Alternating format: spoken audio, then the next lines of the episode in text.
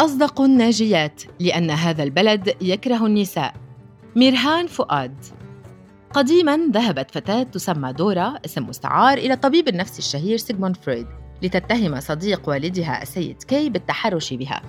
اتهمها فرويد بأنها مصابة بالهستيريا وهو مرض نفسي خصص للنساء فحسب وبأنها تريد أن تكون مكان زوجته السيدة كي.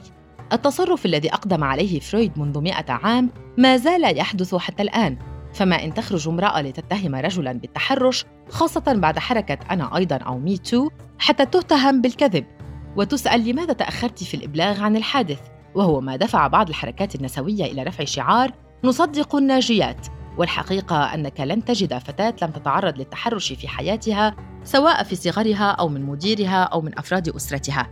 تخاف النساء من البوح بسبب عدم تصديق الناس لهن وقد يلمن أنفسهن في أحيان كثيرة فيظنن أن الحادث صار بسببهن ويبقين حاملات للذكرى الأليمة والتي تثيرها كل قصة أخرى يقرأنها أو يسمعن عنها. عندما قرأت عن هذه الحملة في فيسبوك تذكرت حادثا وقع لي عندما كنت مصابة بقرحة في المعدة. ذهبت إلى طبيب باطني فقام بالتحرش بي. قام بتحسس جسدي كله. لم أصدق نفسي حينها. انصرفت ولم أخبر أحدا. أتذكر أيضا تعرضي للاعتداء بالضرب من شريكي السابق وتورم وجهي وعدم قدرتي على الأكل مدة أسبوع. لم أخبر أحدا حتى أمي. احتجت إلى ثماني سنوات حتى أكشف عن ذلك لطبيب نفسي.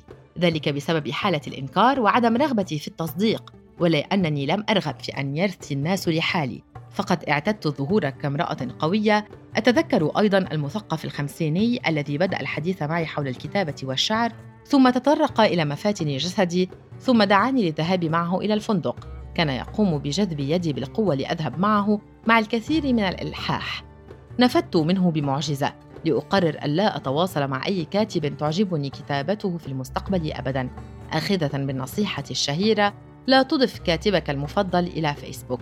لذلك أصدق من تخرج على الملء لتتهم شخصا بالتحرش أو الاعتداء. لأنني أعلم أن الحكي صعب صعب جدا خاصة في مجتمع يكذب الضحية ويلومها.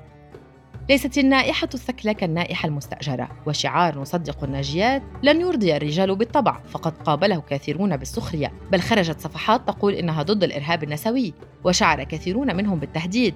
فماذا لو أشارت إلي امرأة كذبا؟ لكنه لا يعرف التكلفة النفسية لفتاة تخرج إلى العلن لتحكي عن حادثة تحرش وعن صدمتها وعن الأذى النفسي الذي تعرضت له وهي تعلم تماما أنه لن يتم تصديقها من دون دليل أو لأنها تأخرت في الإبلاغ. حتى الرجال الذين يتصدون للمتحرشين يطلبون من النسويات أن يخففن اللهجة الشرسة أو أن يرفضن شعار ندعم الناجيات مطالبين إياهن أن يدعمن النساء بوجود دليل فحسب لكن معظم حالات التحرش تكون بلا دلائل. إنه دعم مشروط كأن تدعم المقاومة شرط ألا تطلق صواريخ على إسرائيل. أعلم أن دعم معظم الرجال سيكون غالبا مشروطا ولن يستمر للنهاية إذ سيشعر الرجل عند نقطة ما أن النسوية تهدده. هو يريد النسوية الناعمة لا النسوية الشرسة. إذا كنت تدعي حقا أنك تدعم النساء والنسوية فلا تفرض شروطك عليهن. أفسح لهن الطريق كي يمررن ويعبرن ويتكلمن.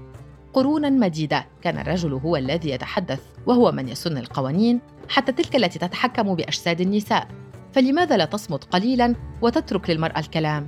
هل النساء معصومات من الخطأ؟ لن تدعي فتاة على الرجل بالكذب أبدا؟ الإجابة المختصرة هي لا لكن كم نسبة هؤلاء مقابل نسبة الرجال المتحرشين؟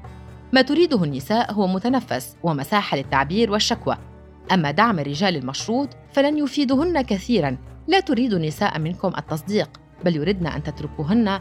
يتحدثن عن الصدمة النفسية التي حملنها أعواما وعن الخوف الذي يسكنهن وهن يتمشين ليلا وعن الألم الذي يملأ أجسادهن بسبب التحرش من الأصدقاء والغرباء. لطالما اتهمت النساء بالمبالغة والجنون فاسمحوا لهن الآن أن يتكلمن.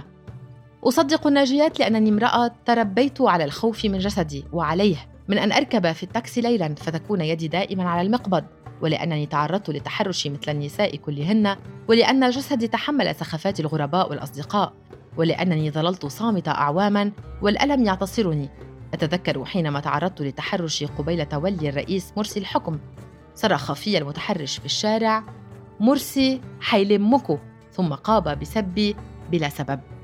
كنت خائفة من تمترس الرجال ضدنا. لكن الوضع الآن لم يتغير كثيراً.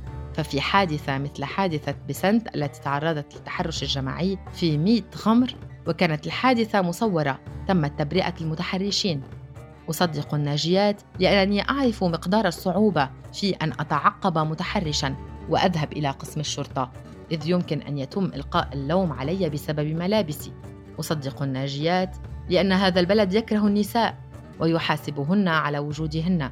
وهذه الحملة من النساء وللنساء ولا نريد دعم الرجال المشروط.